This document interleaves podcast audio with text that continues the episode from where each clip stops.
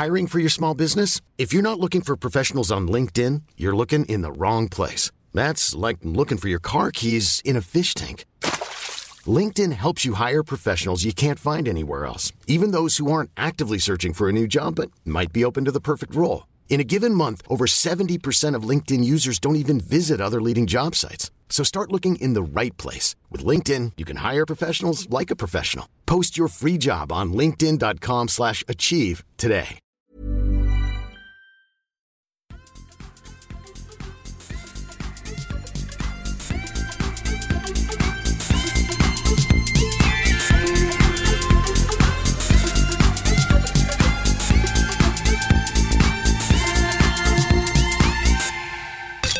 Då hälsar vi varmt välkomna till alla tittare den här gången och eh, även till er lyssnare som fortfarande hänger kvar på valfri podcast app. Välkommen till avsnitt 178 av Kedja ut, en podcast om discgolf som idag utspelar sig på både film och på ljud. Kul att göra det här, Nicke. Ja, det var ju en spontan idé som dök upp här så att eh, vi testar det här. Vi har gjort det förr och vi tänkte vi testar det igen. Kan inte gå annat än åt helskotta. Så det är väl bara att åka, tänker jag. Ja, Eh, det blir väl mycket snack om, eh, om SM eh, som har varit och avslutades i lördags. Jag tänkte att vi ska dyka ner i det här segmentet som vi lanserade för några veckor sedan, Diskdår. Det har ju hänt en del på den internationella marknaden också som vi behöver kanske beröra lite grann vid. Men huvudsakligen så kommer vi hålla oss till svenska mästerskapen som gick av i Skellefteå. mm. Ska, vi med, ska vi nämna någonting om det som har hänt i USA också? Mid America Open kanske? Har du koll så får du väl... Ska vi börja där? Jag vet vilka som vann. Vilka vann? Eh, ska, Sarah Holcomb såg jag. ska vi börja med det? Ja. Vi börjar med Mid America Open och där vann Sarah Holcomb för FPO och i MPO så vann eh, Alden Harris. Det blev så. Ja. Jag Ja. såg eh, fragment av det i, igår kväll på sista, sista rundan. Var det. Mm. Såg jag lite MPO och då var det väl eh, Alden Harris och eh, Gannon Burr som var i topp. Mm, precis.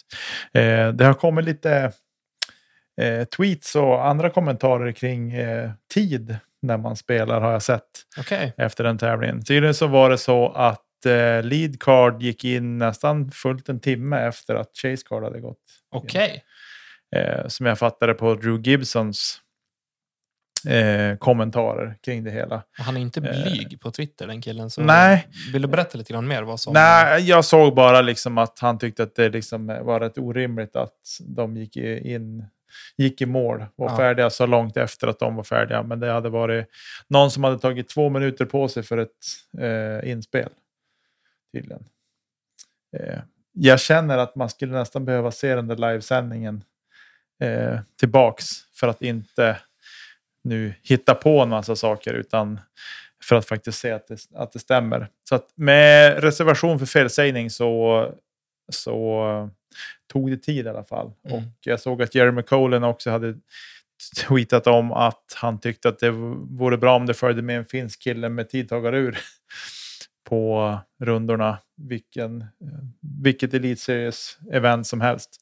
Och så så det var spännande att höra. Det är väl här också problematiken kommer in nu med tanke på det som skedde med Nick under European Open. Att folk nu kanske behöver vara extra noga med att faktiskt hålla tiderna. Eller att när det faktiskt bryter mot de reglerna, att någon faktiskt eh, går in och säger det här är inte okej. Vi ser vad som händer. För folk som inte följer de reglerna nu, som inte heter Nicola Castro, kan inte försvinna. Eller så kan inte bara slippa undan, tycker jag. Nej, exakt. Jag håller med och jag tycker någonstans liksom att, att eh, eh, tidsregeln är rätt viktig ändå när man, när man bryter ner det. Eh, tycker jag. Mm. Likväl som många andra regler är såklart viktiga, men, men just den tycker jag väl är en av de viktigare vi ska förhålla oss till och så. Jag menar, den finns där, alla regler finns där av en anledning, hoppas jag. Jag Ja. har inte lusläst regelboken, men jag antar att eh, de flesta reglerna finns där. Och de som blir uppmärksammade, det är väl förmodligen de reglerna som kanske är de viktigaste för oss också, när vi är på banan. Och de bör följas. Mm, Samtidigt så bör de uppmärksammas när de bryts också. Mm. Precis. Och så länge det är vi själva, eller vi spelare, som dömer själva så måste vi kunna ta det ansvaret. Jag vet själv, jag har alltså, den här säsongen framför allt, jag har inte sagt till en enda gång fast jag har sett mycket, så jag är absolut inte Guds bästa barn på den. Men ja, jag vet inte vart vi ska börja någonstans för att eh, det ska bli enklare. Men det som du är inne på, eh, både du och Jeremy Colling, in med en finsk snubbe med visselpipa och tidtagarur så kanske det blir ordning och reda. Ja, det jag är inne lite grann på kanske att framförallt, det gäller ju dels att den som har gjort fel inte liksom eh, gör en Nico. Om Nej. vi ska använda oss av det uttrycket. och Liksom ta till det istället. Okej, jag har gjort fel. Och så Det är samma sak om man blir kollad på fotfel till exempel.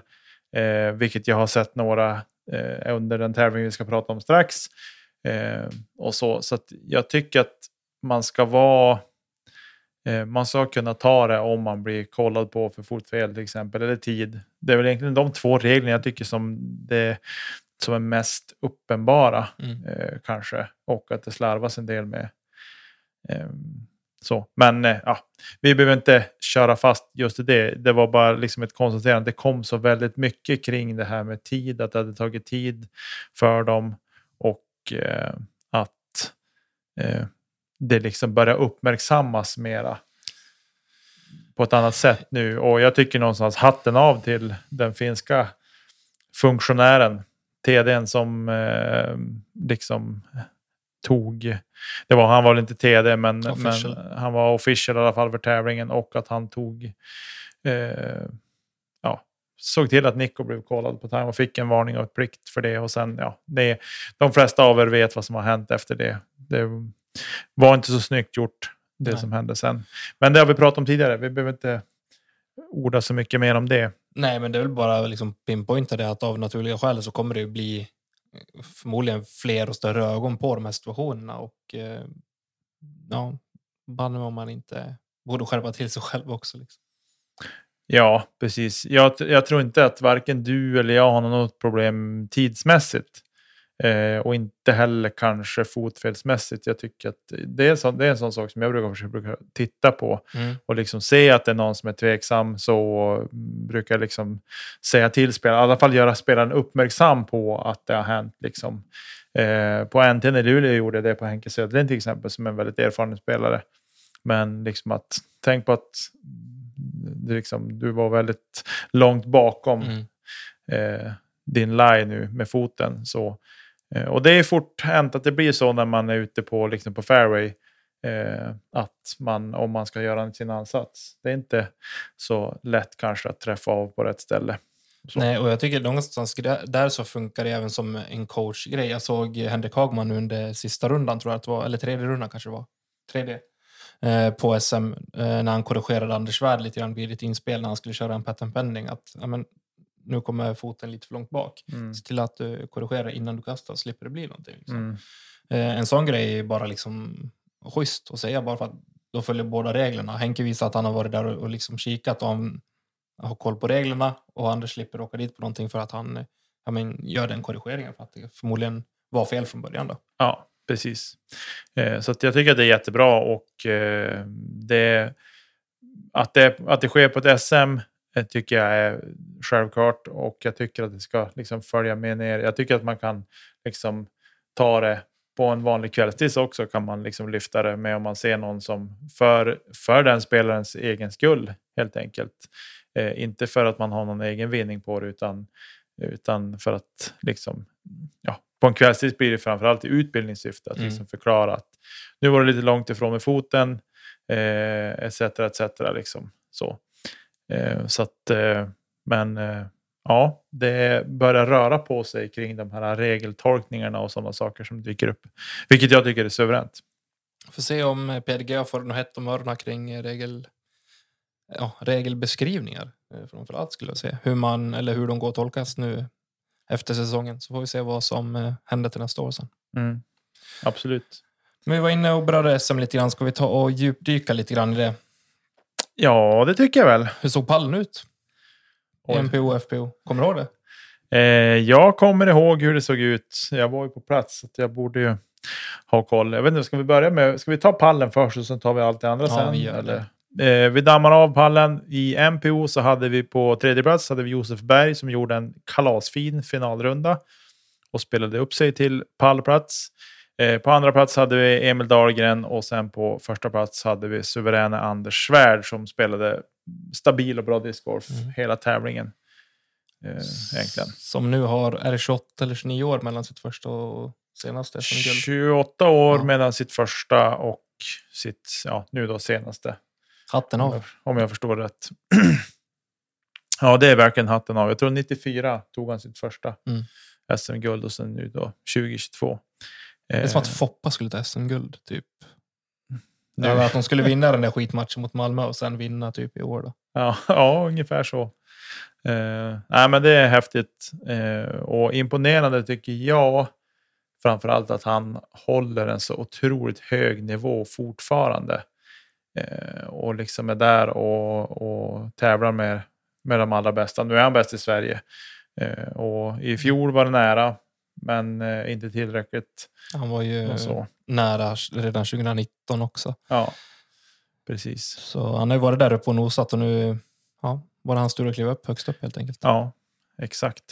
Eh, sen i FPO så hade vi på, på tredje plats hade vi Ruth Schlissel och på andra plats hade vi Sofie Björlycke och på första plats Hanna Jansson som fick vinna sitt första SM-guld. Eh, individuella SM-guld ska vi säga. Tronskifte i svensk damdiscgolf. Mm. Eh, spännande och eh, välförtjänt också sett till hela tävlingen faktiskt, tycker jag. Eh, hon eh, var två kast efter Sofie inför finalrundan och eh, sett till hur Sofie spelade sin tredje runda så tänkte nog eh, både jag och många andra med mig att nu ska hon liksom eh, jogga hem den där tävlingen, inte jogga hem tävlingen, men att hon skulle spela hem den. Eh, men eh, tävlingsnerver och lite annat kanske spökade. Eh, av det jag, så, jag gick ju med hela varvet runt och jag tycker att Sofie var sig inte riktigt lik kanske, som man är van att se henne. Nej. Orsaker kring det behöver man inte spekulera så mycket i, utan det ska tävlas om det. Och eh, det jag kan tänka mig är att motståndet har nog aldrig varit större för Sofie eh, sett till de senaste åren just på SM. Eh, tänker jag, som kan ha gjort liksom att det blev en annan nivå i tävlingen och att det inte varit lika lätt eh, som det har gått tidigare. Då.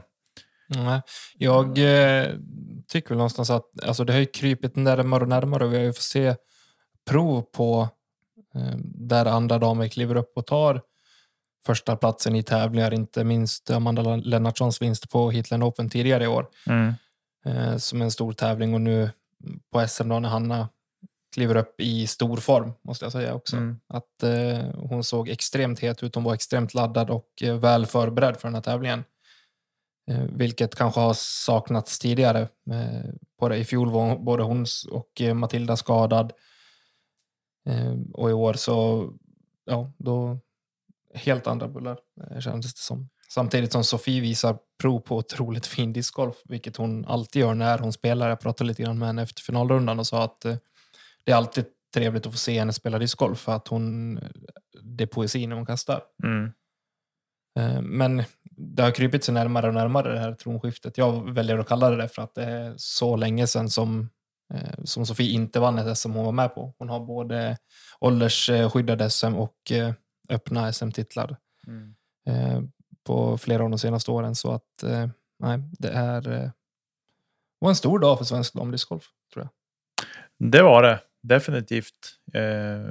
Och och någonstans så tycker jag att det är bra också att det kommer upp fler spelare som, som kan eh, utmana på ett annat sätt. Och jag vet inte om vi är lite unika i Sverige att vi har eh, om vi tittar liksom, ja men nu vann Anders Svärd, han fyller 47 i höst tror jag. Mm. Eh, och Sofia har ju passerat 40-årsstrecket också. Mm. Att vi har två så pass, eh, ja, man ska säga, uttrycka sig, gamla spelare som ligger i toppen liksom på svensk discgolf. Eh, ser man liksom till, ja, om vi nu tittar främst på andra sidan Bottenviken så, så i Finland så är det ju ganska unga spelare som kliver fram där. Mm. Eh, och nu har ju faktiskt finska mästerskapen spelat samtidigt som SM. Eh, men de hade sin finalrunda en dag efter att vårt SM hade avslutats. Och eh, på, i MPO så var det Niklas Antila som drog det längsta strået och, och tog hem det. Det skiljer väl ungefär en generation mellan de två i alla fall. Om man jämför Anders Svärd och Niklas Antila. Ja, precis. Antila har väl, är väl bara kring 20 Mm. och så. Jag har inte koll på faktiskt på hur det gick i, på FPO. Jag tror att Antila tog det till slut och jag har inte hunnit kika några Ja, resultat. Antila tog det på MPO, men för FPO tänkte jag. Nej, jag har... Det har jag inte koll på. Eh, men det var ett sidospår. Men jag tänker att vi kanske, jag tänker att i, i Sverige så kanske vi är lite unika på så sätt att vi har eh, en så pass eh, åldersmässigt. Jo, men det såg vi även i fjol när vi hade även Anders Helleblad uppe på, på pallplats. Jonas Hellblad. Jonas, vad sa jag? Anders? Anders, Anders- Anders Svärd och Jonas Hellblad Anders på pallen. Svärd och Jonas Hellblad på pallen. Eh, så det... Sen vet vi också att vi har fler ålders... Eh, om man säger de som kan spela åldersskyddade eh, klasser Mm. som eh, är duktiga. Vi har Christian Bengtsson som är otroligt duktig. Mm. Eh, för visst har han passerat 40? Han får spela. Han har passerat 40, ja. Kunde man åka på en riktig dänga här snart. Om man inte passar sig på vad man säger. Ja. Eh, Så det, nej men absolut, jag tror absolut att vi är på något sätt unika genom att ha den, man säger breda. Men sen måste vi, vi får inte glömma bort det heller, att Sverige har varit en, en stor discgolfnation tidigare. Och då var de här namnen högst aktuella med fina prestationer i både nationellt och internationellt. Mm, absolut. Absolut. Eh, om vi tittar lite grann på, på damerna nu på SM. Så Hanna Jansson vann då som sagt före Sofie Björlycke och hon gick totalt över fyra runder minus 11 under par. Sofie landade på minus 10 under par och Ruth landade på minus 5 under par. Nu har de spelat gul slinga, modifierad gul slinga i Skellefteå på terminalen. Och de har- Något tuffare gulslinga än vad vi är van med som Ja, har varit där och spelat Norrlandstour. precis. Och så sen har de spelat blå slinga. Och blå slinga är väl kanske inte unik på sitt sätt, men, men eh, den är bara par tre år. Det är par 54 på den. Mm. Och eh, den spelade damerna näst sista och sista varvet. Eh, och eh, ja, jag tycker att Det var väl inga större separationer i scores mellan rundorna heller? Vad jag kan... Nej, Hanna gick minus fem eh, sista rundan medan Sofie gick minus sex tredje rundan. Mm. Eh, så att de eh, spelar bra discgolf. Den är ju inte blåslinga vet vi. Den är inte liksom, det är inte bara gå dit och dansa hem ett par birdies. Det är det definitivt inte. Nej, gud. Eh, så att, eh, Och tar vi hot round runda två när de spelade gul så var hot round even par. mm, Eh, och första rundan fem under. Så ja, tar vi hot rounds på båda varven så är det visar det att eh, blåslinga spelas lättare bland eh, pallspelarna. ja. Och det kunde Precis. inte jag tro innan i alla fall. Nej. eh, När vi pratade om det här. Men det är lite... Eh, gul slinga ska ju sägas, den har en del trixiga hål också med, med tvära böjar och, lite så på ett annorlunda sätt än vad blå slinga har. Mm. Eh, blå slinga har inte sam, på samma sätt eh, de här eh, tekniska kasten som gul slinga kräver, ska vi säga. Och sen... sen- Lite mer längd, eh, men ändå. Jag, jag tycker att blå slinga är tuff när jag själv spelar den. Mm. Eh, och kanske hade haft lättare att scora på, på en gul eh, slinga. Som det, eller så har det varit de gånger jag har spelat där. Mm. Eh, ja, den är ju... Och så nu hade de ju adderat några hål på gul slinga som såklart gjorde den betydligt mycket svårare Mm. också, ska sägas. Eh, Jag tänker vi kan komma in lite grann på, på banorna eh, också. Vad vi, vilka slingor och sådär. precis. Eh, I MPO då, som sagt så hade vi Anders Svärd före Emil Dahlgren och Josef Berg på tredje plats. Och det var väl egentligen inte så mycket att säga om segern. Han vann hela sju kast före Emil Dahlgren. Ja, det var väl i stort sett klart inför sista rundan eh, med facit i hand. Eh, ska Ja. jag säga. Det var inte mycket separation eller det var väl egentligen ingen som klarade av att göra ett ryck eh, för att gå för guldet eh, under sista rundan. Utan eh, Emil Dahlgren gör en fin tredje runda Mm. där han går hot round och så Josef Berg i sista rundan såklart som är otroligt fin. Mm. Precis. Men ja, utropstecknet är väl Linus Karlsson som hittar först på en sjätte plats Mm. tillsammans med Kimmen Modig och Simon Kappling. Mm. Den hade inte jag väntat mig. Nej, inte jag heller. Eh, faktiskt. Men han hade det tufft första rundan.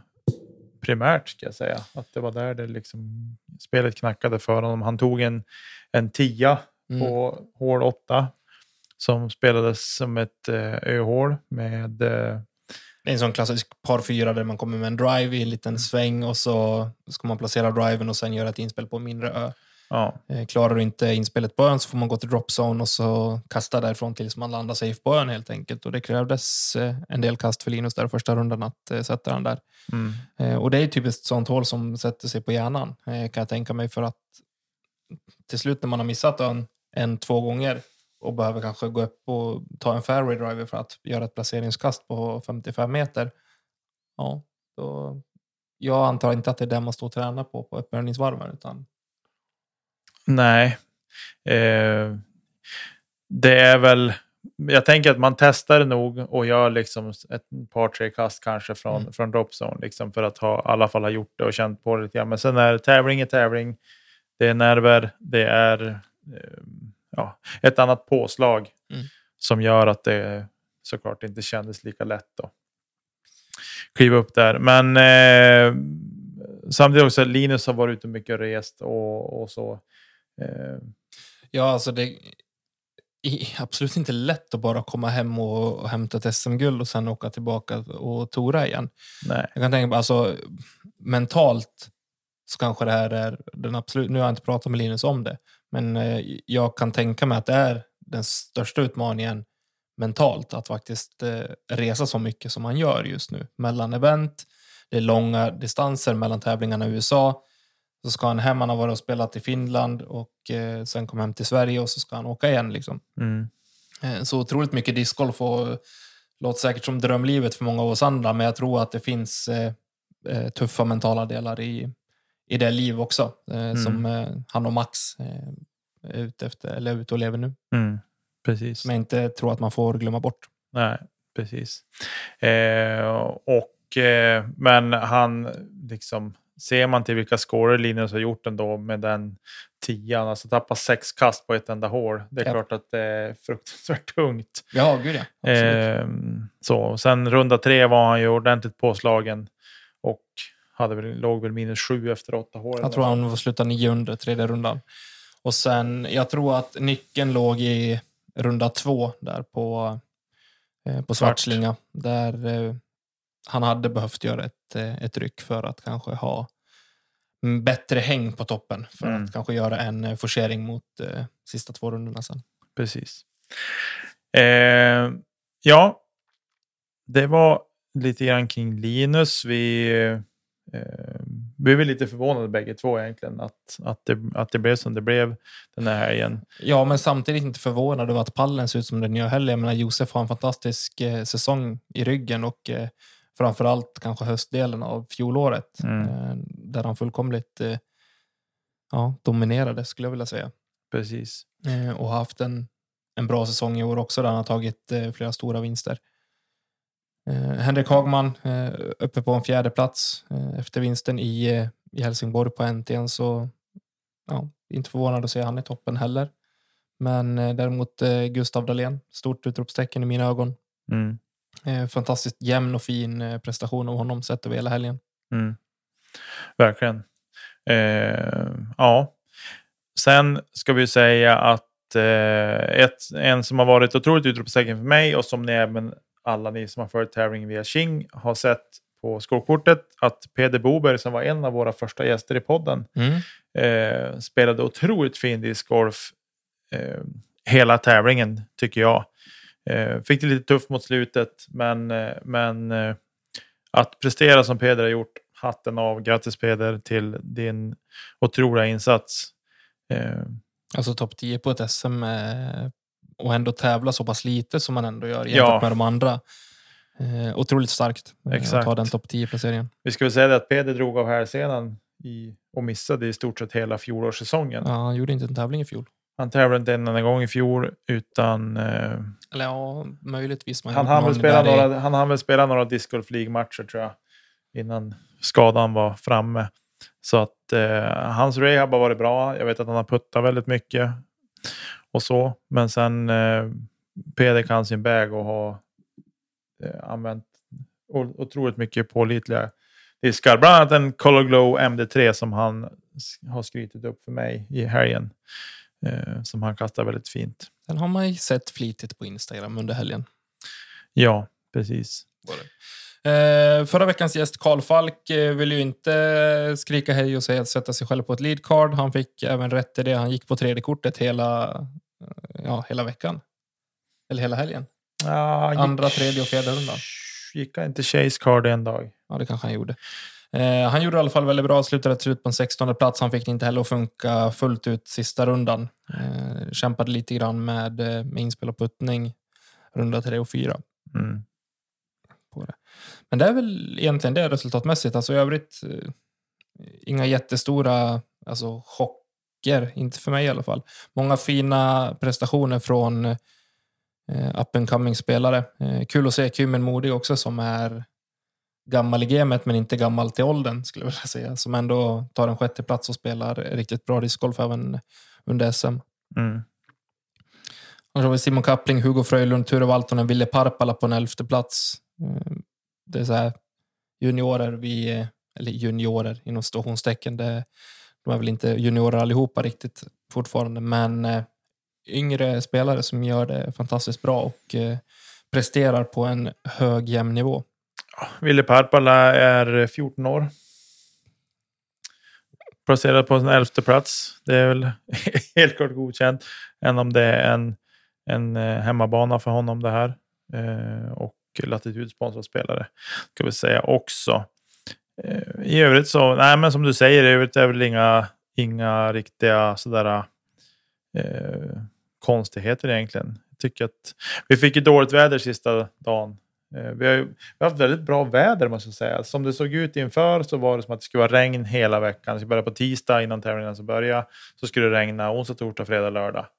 Men eh, det kom någon liten skvitterskur där på fredagen och så sen var det lördag eftermiddag som det började regna. Det började väl regna eh, just innan leadcard egentligen skulle gå ut. Mm. Så kom regnet och så tyvärr. Det är aldrig roligt med regn på SM, men det verkar som att det ska hänga i och vara med. Eh, Trots att inte Henke Johansen var där i år. Nej, exakt. Vilket... Eh, men det var väl det. Vädret hann väl inte dra undan riktigt. Nej. Eller hur Henke?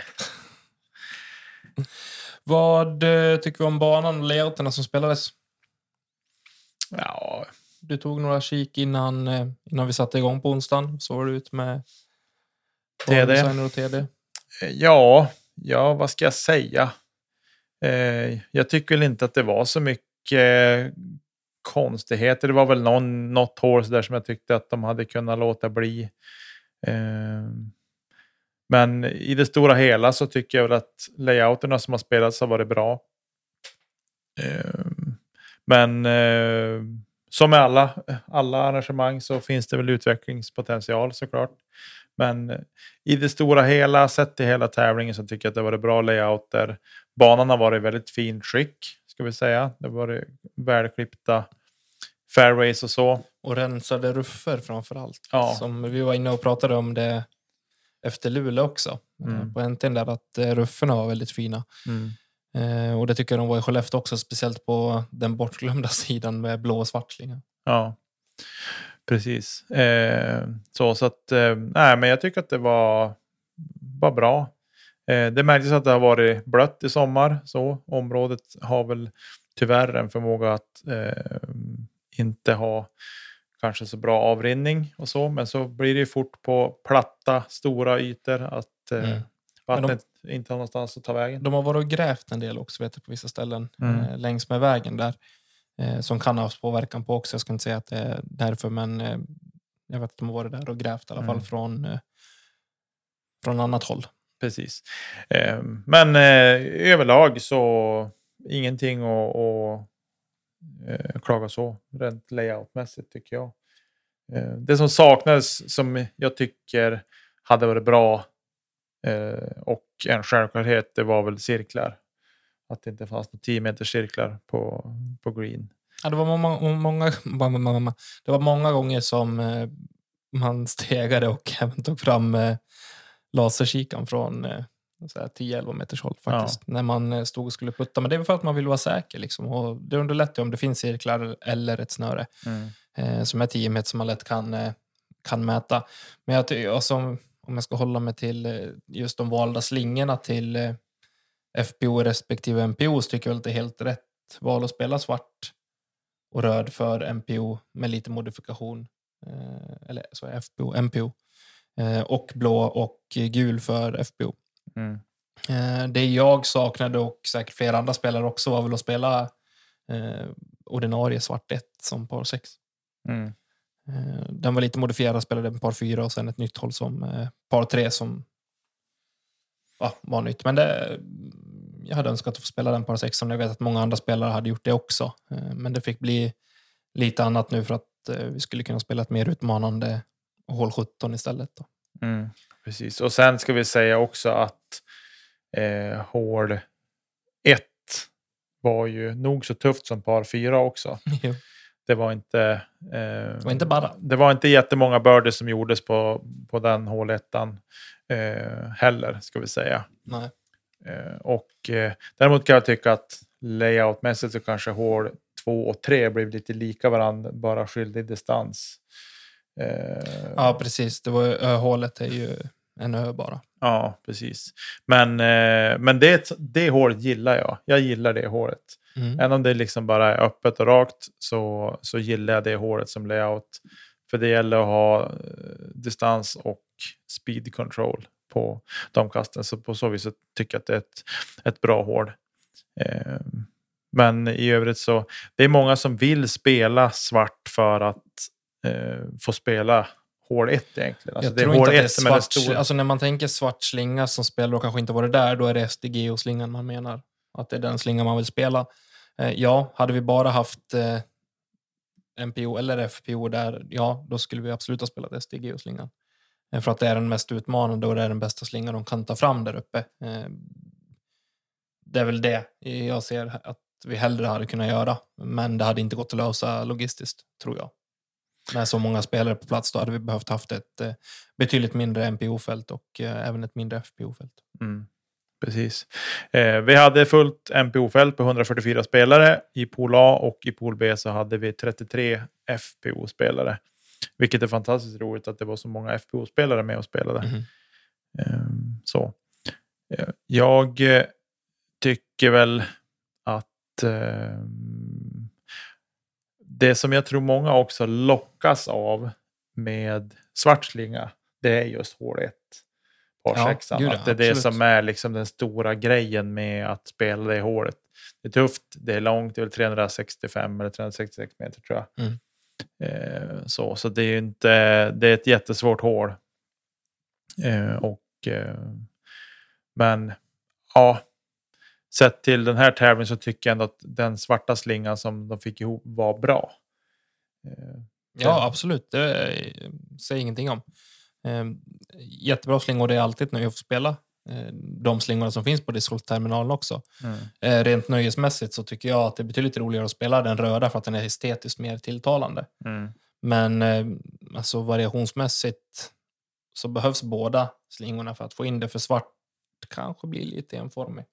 Mm. Även om den är extremt bra. Mm. Jag tycker att de kortare hålen är ganska lik varandra. Det är inte jättemycket variation på vilka kast som krävs, vilket eh, sätts mer press på på, på röd slinga. Mm, precis. Eh, om vi säger rent så här kastmässigt och svårighetsmässigt så hade vi ändå liksom vi har. Vi har fem spelare i MPO-fältet som har gått eh, snitta minus fem eller bättre mm. på tävlingen. An, Anders Svärd har ju snittat eh, nästan minus åtta över fyra runder. Yep inte riktigt så. Men sen i övrigt så om man tittar på mm, ja, resten så att säga så har de ju snittat lite drygt minus fyra per runda. Då. Eh, och det tycker jag liksom, det säger någonting om layouten också som har spelats, att det har inte varit jättelätta layouter att tas med. Ja. ska jag säga. Det, jag tyckte inte man, man kunde skylla så mycket. Ja, klart, finalrundan vart hämmad av regnet, ska vi säga, för det öste ju ner där ett tag. Ja. Men eh, bortsett från det så tycker jag inte liksom att, att eh, vi har haft kanonfint väder. Det har varit varmt och skönt. Vind har det varit, men inte, jag tycker inte att det har varit liksom så här, kanske så mycket Det har inte varit som- storm, Nej, men det det har varit varit storm. tillräcklig vind för att ska påverka spelet och kastningen. Ja, Eftersom att vi inte hade i princip någon vind någon av träningsdagarna. Varken söndag kväll, måndag eller tisdag. nej, precis. Eh, så att, men så så layoutmässigt tycker jag att det har varit bra. Det har inte varit liksom så minus 48 över Nej. fyra runder, utan eh, nej. Nej, men en rimlig score. Ja, en rimlig score, absolut. Det tycker jag. Jag tycker både MP och FBO så tycker jag det har varit liksom rimliga totalscorer Absolut. sett över fyra runder. Så det tycker jag har varit riktigt bra sett i den tävlingen. Absolut. Eh, vi kan ta det, här hålet som det har pratats mycket om eh, på Svartslinga inför SM också. Det har varit mycket frågor kring det i Ska vi snacka discgolf också. Och det var även det under, under SM efter att folk såg att Linus tog en tia där. Eh, Men hål 8 på Svartslinga där spelades som det andra svåraste hålet med, en, med ett snitt på 4,72 kast under första rundan. Och andra rundan så spelas det lite lättare, 4,42 kast. Mm. Och eh, fjärde svåraste hålet då. Hål 17 spelades som absolut svårast Över hela... över hela tävlingen. Yes. Eh, Det var två birdies där. de första, första rundorna ska vi säga eh, på Svartslinga. Och eh, det, är en, det är en tuff, riktigt tuff par fyra Mm. ska vi säga. Eh, Ja, den är lång och den, det är väl det hålet som är jag skulle säga en ordentligt riktigt bra par fyra. Som Ja. kräver, du, kreativiteten sätts på prov, men det krä, oavsett vilka kast du väljer att använda dig av så krävs det två riktigt bra kast för birden och du kommer få kämpa för, för paret många gånger. Mm, precis. Eh, och det är väldigt, det är ett, väldigt, ett hål som är väldigt eh, bra på så sätt. Det är mycket risk and reward liksom Japp. på det. Antingen så kan du börja gå för det och ja, hamna i skiten eller så lyckas man och så kan man få ett betydligt bättre läge för sitt inspel. Mm. Ja. Är det något mer vi känner att vi ska stöta kring? Nej, banan? intressant att det är så pass många hål som ändå spelas under par. Eller som snittar under par. Eh, Bland annat hål 2, hål 3, hål 5, hål 11, 12, Mm, 13, 14, 15 spelas eh, under par. mm. Eh, det är ganska många hål som snittar under par för eh, att ha ett så pass stort fält med eh, även mycket eh, lägre ratade spelare med. Precis. Eh, hål 2 ska vi väl säga spelades som det lättaste hålet på Svartklinga. Ja, under runda ett och eh, näst, så, näst lättast under runda två. Ja, precis. Så ja, det kanske är ett hål som inte består framöver på eventuella SM-framträdanden skulle jag tro i så fall. Nej, precis. Tuffas till lite. Vad tycker du i övrigt då? Eh, från, från helgen, nytt format spelade vi. Mm. Eh, en, dag, en runda per dag och eh, fyra runder istället för fem. Det här var en fråga som vi fick i ett kommentarsfält på vårt Instagramkonto tidigare om vi, eller vad vi tyckte, vad våra åsikter var kring, kring att SM ska avgöras på, på tre eller fyra runder istället för fem. Mm. Jag tror att det var i samband med eh, ålders-SM som vi fick eh, den frågan. Att eh, SM avgjordes på tre runder där, Mm. eh, som en vanlig NT. Eh, men fyra runder, vad, vad tycker och tänker du kring det? Är Bra.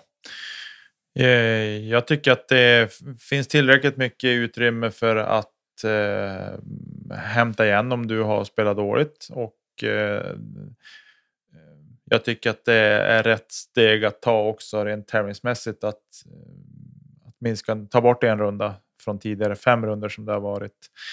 Eh, för jag tror vi skulle väl haft, om vi skulle sett till om vi skulle spela tee times och ha fem runder så Mm. förstår ju alla att det skulle inte funka. Om vi inte skulle spela in långt in på kvällarna då så att säga. Eh, och det formatet tror jag inte på heller att man skulle göra. Utan, eh, och tittar vi på de stora tävlingarna så är det fyra runder som, som är i, ute i världen. Så. Ja, alltså det jag tycker är att SM ska ha flest runder utav de svenska tävlingarna och det har den även om den har fyra istället för fem. Mm. Uh, NT spelas över tre runder och de, de flesta andra elittävlingarna i Sverige just nu spelas över tre runder också. Mm. Personligen, ja, fem runder, absolut. Man vill alltid spela mer discgolf. Samtidigt förstår jag det svårigheten med att få in det planeringsmässigt. Ska man spela en femte dag, ja men då är det någon som eh, ligger inne för att det blir tajt att åka hem liksom, oavsett vart man bor i landet. Eh, så jag förstår den också. Jag tycker att upplägget onsdag, lördag var bra. Mm. Det, det var bra planering. Men ja, absolut. Jag hade gärna spelat en runda till också. Mm. Säger jag nu som bara fick spela tre i alla fall. Så det spelar ingen roll. Men Ja, Nej, men, hade det varit fem då hade jag fått spela fyra. Ja, nej, men eh, sen också är det ju liksom just nu som vi valde att göra då, att vi valde att avsluta tävlingen på en lördag istället. Det är ju för att liksom folk får en resdag som har långt att åka också. Eh, och det tycker jag väl är bra. Att, eh, det, och det hoppas jag att det kan bli nästa år också. Jag får väl försöka lägga in mitt veto där om att avsluta tävlingen på lördag för att kunna ha resdag på söndag istället för att komma hem kanske mitt i natten mot en måndag eller så. Mm. Eh, nu när vi spelar det här så är det måndag och jag har börjat jobba idag och jag är väldigt tacksam över att jag hade bara drygt 12 mil att åka men jag är tacksam för att jag fick eh, en dag hemma liksom, eh, och bara vila upp mig och ta det lugnt och göra lite annat än att fundera på discgolf. Ja, annars är det bara att lägga semestern dag senare. Liksom. Man planerar ju semestern efter discgolfen, det är sen gammalt. Det är sen gammalt. Precis. Nej, men jag tycker att det har varit bra. Jag tycker att eh, rent tävlingsmässigt så tycker jag att det, det här har varit suveränt. Det har varit otroligt roligt att se att när spelarna har spelat färdigt sina runder har de gått ut och följt med, tittat på ledarboll till exempel. Eh, det- vi har fått lite mer folk som har följt med andra spelare och sådär. Eh, så totalt sett så tycker jag utifrån sett, jag har inte spelat själv så jag kan inte säga att jag upplevt det så, men eh, jag har gått med och liksom följt damerna och så sen när de har spelat färdigt eller börjar närma sig slut på sin runda, ja, men de har gått över och följt med herrarna. Då. Och eh, ja, från mitt perspektiv så tycker jag att det har varit klockrent. Eh, jag kan inte tala för hur spelarna upplevt det, men, men eh, med tanke på hur många spelare jag såg ute som dels var caddy åt någon kompis eller så, eller bara gick med liksom, så tycker jag att eh, min upplevelse är i alla fall att det har varit bra. Nej, jag instämmer. Jag, alltså planeringsmässigt och uppläggning, alltså uppläggsmässigt så har inte jag någonting alls att, att klaga på så från, eh, från spelarhåll. Jag tycker att eh, det är skönt att spela en runda per dag. Du har en sak att fokusera på och sen kan du faktiskt ägna lediga timmar åt vad du vill. Du kan stå och putträna om du känner att det har gått åt helskotta på banan liksom eller ja, åka och fiska, vet jag många gjorde, bada. Mm. Sånt som faktiskt får en ens mentala eh, ja, status kanske hålla sig starkare sett över hela helgen. Mm. Istället för att det gamla vanliga som jag pratade om tidigare, att upp tidigt på morgonen spela en runda, kasta i sig lunch, göra sig redo för runda två och sen säga okej, sent på kvällen liksom känna att okej, imorgon är det två runder igen. Mm. Så nej, jag upplever att det är mindre stress, ett betydligt lugnare upplägg, trevligare upplägg där man faktiskt eh, har tid att eh, socialisera lite grann också. Eh, jag har inte sett det riktigt så starkt från den synvinkeln tidigare i år, men eh, under helgen fick jag väl känna på hur viktigt det faktiskt är att kunna prata igenom ja, men både runda och eh, liv med, med andra spelare också som bara är, där och liksom fokuserar på discgolfen under, under rundan och sen eh, så tar man det på morgonen när man vaknar igen. Ja, precis.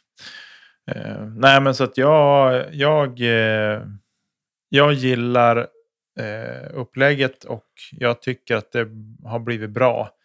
Eh, och allting har varit nytt för i år, så det liksom är någonting som folk också måste på något sätt ta med sig. Att det här är liksom sånt vi testar nytt för i år.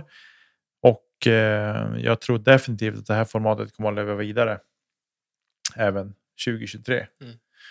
Sen får vi se vad som händer i övrigt 2023, men eh, det är min, den spontana känslan jag har just nu. Jag tycker det låter bra. Ja. Och så. Har ni någon take på det, ni som lyssnar? Kommentera gärna här nere, ni som ser det här på Youtube och eh, ni som lyssnar på oss. Skicka in eh, ett mejl. Vi har några trogna som skickar mejl emellanåt. Men Mhm. eh, kommentera gärna eller skicka ett DM på Instagram eller vad som helst och ge eran take på det hela. Ja du Tommy, ska vi packa ihop SM i en liten låda nu 2022? Och, Alldeles snart. Jag vill bara veta en grej. Vad tar du med dig från den här SM-helgen? Som, eh, ja, som den rollen du hade. Som lite allt i allo och sprang runt och styrde det mesta kändes det som. nej, jag styr inte mycket. Jag tycker att eh, hatten av till Skellefteå som eh, liksom med få människor ska vi säga. De har inte varit en jättestor grupp av människor som har jobbat den här helgen. Så har de styrt ihop det bra ändå. Eh, så. Men i övrigt så ja, men jag tycker att det har varit fantastiskt fin discgolf att titta på. Det är, ett, eh, är kul att se många spelare, man får heja på många, man hinner prata med ganska många också. Vilket det här formatet har hjälpt till med att göra. Då. Annars finns det inte så mycket tid över. Och så. Eh, men sen tror jag det jag tar med mig så här kortsiktigt när jag bara tänker tillbaks på det så här högt flux. Så här är Kalle Falks dominans hos Sensblend när han var mer, mer konsekvent än en vindrutetorkare i sin puttning. Bra jobbat, Karl. Ja, vad har du med dig? Eh, att eh, man kan aldrig träna för mycket. Okej, För det behöver man göra om man ska komma därifrån mer levande än vad jag gjorde i helgen. ja. Var du trött på lördag kväll? Nej. Jag var Ja. jättetrött eh, på lördag kväll. Eh, somnade gott när jag kom hem till, till sambon och dottern. Men eh, jag var nog mest trött på, på torsdag kväll när jag insåg att, att jag hade spelat klart. Mm. Det, var, det var tungt faktiskt. Att ja, någonstans bara blev abrupt att det inte funkade alls. Liksom. Hellre sett att det kom på, kom på fredagen eh, istället för torsdagen. Liksom. Mm. Ja, jag förstår. Helt och fullt. Det är ju tufft när man har en runda kvar också. Liksom, att eh, spela då. Det förstår jag. Ja, jag menar, alltså placeringsmässigt så är det, är det 12 placeringar sämre. Det är några kast eh, sämre än vad jag kanske ska ligga eh, enligt rating på förhand. Eh, och med tanke på känslan efter torsdagen när det verkligen klappade ihop totalt så med fast hand så kanske det inte är så illa ändå. Liksom. Även Nej. om eh, torsdagen var Tung. Den var otroligt tung. Jag eh, hade verkligen svårt att sätta både ord och tankar på vad jag precis hade varit med om. Mm. Så jag vände mig till vår eh, älskade Christian Bengtsson och fick lite, lite tröst eh, där på kvällen. Det är bra. Han är bra Bengtsson på så vis. Det är han. Så nu har jag fått lite, lite tips och tricks på vad jag ska göra. För, så nästa år, Svärd och grabbarna, får ni se upp. kommer han som en skjuten ur en, eh, rak- kolla när du sa det där så jag vet så jag kan. som skjuten ur en raket. Kommer jag kittla pallgrabbarna i rumpan. Inte bokstavligt. Ja. ja, men du, nu har vi två SM-tävlingar kvar. Eller två förbundstävlingar kvar ska vi säga. Vi har en till i Onsala som är finalen där allting ska avgöras. Och sen har vi ett lag-SM två veckor senare. Det där förbannade lag-SM alltså. Ja, det ska bli så gött när det är klart, känner jag. Men som spelas i Örebro. Det spelades tydligen ett lag-VM nu också. Ja, I, i allround. Eller allround, ja, men Ja. i discgolf också. Det, var, Precis. det här med allround-VM ja, var faktiskt varit på i Norrköping en gång. Ja. Men ja, jag vet inte. ja, det får vi ta upp i ett annat avsnitt, Det tänker jag. kanske vi inte alls behöver. Inga svenska representanter där och det var väl typ en känd finne som var där. Jo, David Davidsson tror jag. Eller heter han så? Eh, Daniel Davidsson, vad heter han? Ja, men jag tror han inte ens heter det. Skitsamma. Vi lämnar det. Lag-VM. Ja. ja, men vi rullar vidare och eh, det här Disc Dior. Ja, det blev inget av det förra veckan. Jag tänkte vi skulle stänga igen juli månad med eh, ja, förhoppningsvis lite rockader på den här listan. Mm. Sist vi gick igenom och satte den här listan så hade vi på MPO eh, Chris Dickerson, Gannon Burr och Simon Lesoth 1, 2, 3. Eh, Och på FPO Kristin Tatar, Valerie Mandoiano och Katrin Allen. Mm. Det känns väl som att vi behöver stuva runt lite grann här efter det som har hänt och skett. Mm. Eh, Jag är inte beredd på att flytta Tatar efter det hon ställde till med i helgen när hon vinner med 25 kast Nej. Eh, på någon estländsk tävling. Var det definitivt. est, est, alltså Ja, det var ju, det var ju deras Estlands... Eh, ja, För den hette något jäkla konstigt som jag inte kan uttala. nej, men de, de har sitt eget språket du. Ja, det har de sannoliken. Eh, så. Men nej, jag är absolut inte... Hon har varit borta, haft en skadefrånvaro, en armbåge som har bråkat. Eh, och, eh, men är tillbaks med besked, får vi väl säga. Och kommer väl att spela... Throw Pink Tack. vet vi ju att hon skulle åka över och spela i alla fall och sen är det väl VM. Får vi anta. Och eh, hennes läkare hade väl sagt att, att eh, hon inte kunde förvärra skadan om jag förstår det hela rätt. Det Eh, skulle jag också vilja höra. Du kan inte förvärra dig själv. du kan inte bli sämre om du tränar mindre. Nej, vi ska ta fram här och se vad hon eh, skriver. Precis. Eh, men eh, nej, Tatar hon får vara kvar i toppen på, på disk i år. Ja, det tycker Alla jag för verkligen. mig. verkligen. dansar man hem den tävlingen som var avgjord redan innan, tre, innan finalrundan skulle spelas. Så att hon, hade, hon hade inte kunnat bara skriva nior på allt, men Nej, men ja, snudd på. ja, det var det verkligen. Om vi tyckte att Linus Karlsson var dominant i fjol så ja, det här är väl Estlands svar på Linus Karlsson. Då. Ja, precis. Eh, däremot eh, Valerie Mandiano och Katrina Allen som vi hade på andra och en tredje plats. Här har vi både On Scoggin som har gjort fantastiska framträdanden och eh, On går även och vinner FP40 VM. Mm. Det är inte heller fy skam. Nej, Jag tycker hon satte rejäl press på Hailey King under eh, US Women's också. Samtidigt får vi se Paige Pierce eh, ta en otroligt stark seger i Finland under European Open. mm. Där var eh, Mandoiano inte lyckas eh, prestera på samma nivå. nej. Eh, Katrin Allen gör en, en bra European Open, Mm. men eh, fortfarande lite ojämn i min mening. Mm. Jag är beredd att switcha de här tjejerna på plats två och tre och sätta in Paige Pierce på en andra plats och eh, On Scoggins på en tredje plats. Eller väger en VM-titel högre än European Open i en FP40. Alltså jag skulle nog vilja sätta Page Pierce på andra plats och On på tredje plats. Ja. Då är vi överens. Fortfarande europeiskt i topp, lite så det ska vara kan jag tycka, även när amerikanerna gör listor. Men det gör inte alltid det ser ut så. Ja. Men vi har ju rätt. Vi har rätt. Vi är värdelösa på att tippa, men eh, när vi drar slutsatser så är vi... Med facit, i hand, så är vi, med facit i hand är vi alltid felfria. På här sidan, Dickerson hade vi först för eh, Gannon Burr och eh, Lisotte. Mm. Dickerson har gjort comeback nu. Han spelade inte European Open. Han var tillbaka under Jonesboro, va? Mm. Eller var det Ledgestone? Diglow? Ledgestone var det. Han gör väl ingen jätte, jättetävling? Nej, det kan vi väl inte påstå. Och så, den där banan är ju jobbig. Mm. Det är slalombacke upp och slalombacke ner. Och, Och eh, eh, han spelade väl inte ens Mid America nu i, i helgen som var. nej. nej, jag tycker alltså för mig så är det snudd på att hela listan ska bytas ut. Mm. Jag är också lite inne på det samtidigt som att jag inte riktigt vet. Alltså så här. Jag kommer få så mycket hatare nu. Och nu i bild dessutom. Du vet vem de ska jaga.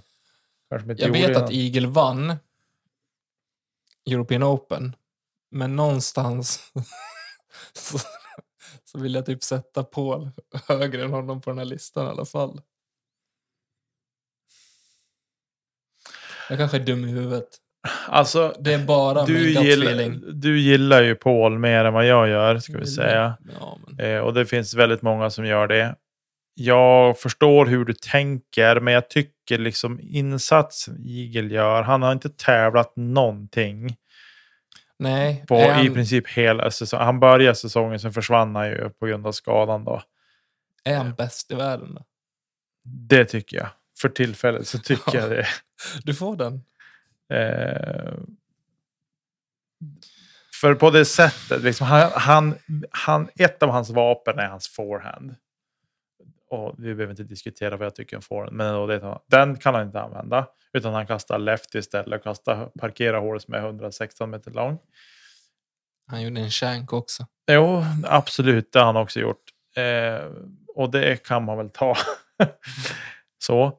Men att ha varit borta så länge och kommer tillbaka och presterar på den nivån han gör. För vi har sett andra spelare som har varit borta länge och kommer tillbaks Mm. och inte alls levererar på den nivån som är van. Nu tycker jag liksom Igel, han levererar på den nivån som man, man är van att se honom när han är frisk. Det är korrekt. Så att därför så tycker jag att han ska vara etta. Däremot är jag helt och hållet benägen att sätta Paul som tvåa nu. Även om det tar emot lite grann, för jag tycker att han har varit en sopa sett till hans nivå under, tidigare under säsongen. Men Ja, det, det är väl det. Men så- alltså, såg man liksom... Visst, man kanske inte ska dra slutsatsen över en, en tävling, men samtidigt så är det en major där Eagle och Paul är totalt överlägsna. Chris Dickerson är inte där. Chris Dickerson har gjort en jättefin försäsong, eller försäsong, tidig ja, säsong fram till juli månad. mm. ah, jag tycker att, jag tycker att eh, Paul gott och väl ska vara två. Ja. Vi såg Ricky göra fina insatser innan eh, European Open. Eh, nu efter European Open så eh, hade vi Calvin Heimberg som var väldigt duktig. Mm. Heimberg var inte heller med på listan. Nej, men vi, jag tror, vill minnas att jag hade han som bubblare, tror jag. Mm, det hade du. Sist vi tog ut den här, så jag är nog benägen att skriva in Heimberg där. Du kanske inte är det, men jag är det i alla fall. Jag har ingen bättre att sätta in där. Ehm, så. Det är Kyle Klein kanske, men inte han. Nej. Samtidigt, alltså, Nej. en vinst är en vinst och det är det någonstans som eh, brinner mest för mig också. Samtidigt, och i i och med det jag håller majors högre än en vanlig Elite Series också. Mm. Därför kommer det att spela in betydligt större roll. Ja. Nej, jag... Men varför är Tatar först då? Därför att hon är bäst i världen. Därför är Tatar högst upp i FPO. Mm. Och det är sant det. Det är sant det. Specifiken på Börje. Ska jag dra på honom en smäll? Ja. Det är sant det. Nej, men eh, jag är helt enig. Jag tycker att den här listan är bra som vi har fått ihop nu. Den här månadens, eller egentligen juli månadens, men nu är vi i augusti. Men på sätt till eh, disk Dior. Ja, då eh, är det de här spelarna som äntrar kommande helg som, eh, som väldigt bra. Ja. Eh, Och det tycker väl jag att eh, de ska få göra. Vad har vi i helgen då? Är det något spännande som händer till helgen? Det återstår att se. Vi har inte lagt in något. schedule, schedule. Nej, vi ville prata SM idag. Det gjorde vi. Vi behöver prata SM. Uh, uh, uh, Finnish Nationals, yo. Truebank Des Moines Challenge är det Vad sa du? till helgen. Nej. Des Moines. Nej, det är det inte alls. Jo, det är det. Nej, elfte. Det det är Ledgestone är det ju såklart. Just det. Det sa ju Max. Jag pratade med Max Bridgitning på SM och han redan igår, söndag, åkte han till Chicago först. Och Linus skulle åka idag, va? Eh, för att sen ta sig vidare till Ledgestone. Så att vi har svensk hopp på plats. Och eh, ja, jag har inte någon eh, lista framför mig så att jag kan säga någonting om. Det ska vi plocka fram. Vi borde, varför kör vi inte de här Grip 6-uttagningarna? Nej, vi har väl ett stjärnspäckat fält framför oss. Det är Max Rogitnik och Linus Karlsson som får sällskap av Paul Macbeth. På pallen. Paul på pallen säger du. Ja. Jag säger att Isaac Robinson kommer att vara stekhet. Ja. Han har väl inte gjort en birdie sen uh, Islewild stackarn. Och Nico är anmäld. Tror att Nico, vad hände med Nico tror vi? Ja, Har du några spekulationer? nej.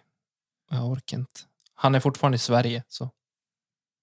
Han var på Karlhyttan igår. Kanske. Nej, inte Karlhyttan. Vad heter det där hållet? När de kastar... Jag vet inte. De, hon var någonstans i Sverige i alla fall. Västerås. Ja, kan det vara Kolbäck då. Någonstans i Västerås. Karlhyttan och vi. Filipstad. Det var inte Karlhyttan han var i. Nej.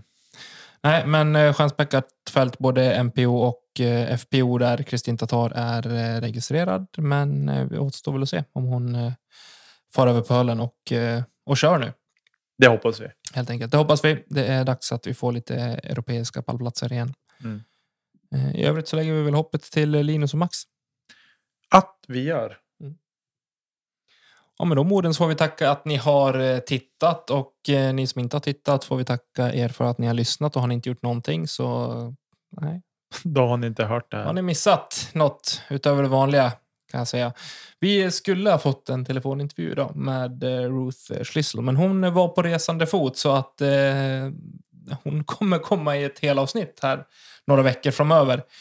Eh, så det kan ni vänta er. En eh, intervju och ett, eh, en gästsittning med eh, årets bronsmedaljör på FPO-sidan. Mm. Det blir kul. Det blir intressant.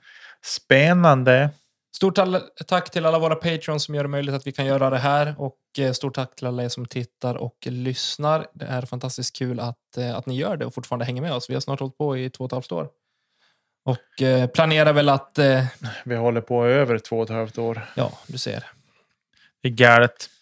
Och vi fortsätter väl i gammal vanlig anda med att vi släpper de här avsnitten en gång i veckan. Och så tills någon skriker bara nu är det dags för er att hitta någonting annat roligt. Och då byter vi namn och så kör vi någonting annat istället.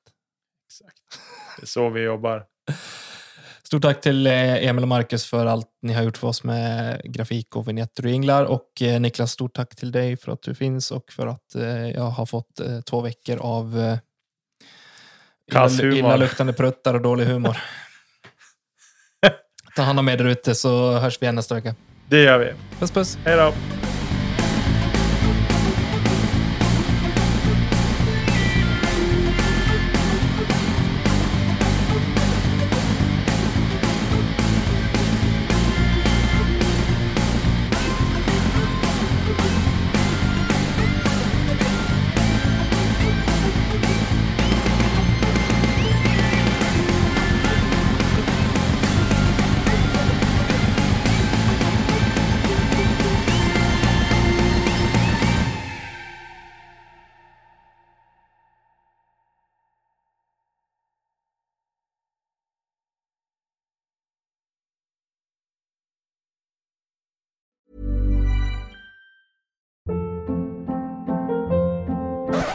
Up. What was that? Boring. No flavor. That was as bad as those leftovers you ate all week. Kiki Palmer here, and it's time to say hello to something fresh and guilt-free. Hello Fresh. Jazz up dinner with pecan-crusted chicken or garlic butter shrimp scampi. Now that's music to my mouth. Hello Fresh. Let's get this dinner party started. Discover all the delicious possibilities at hellofresh.com.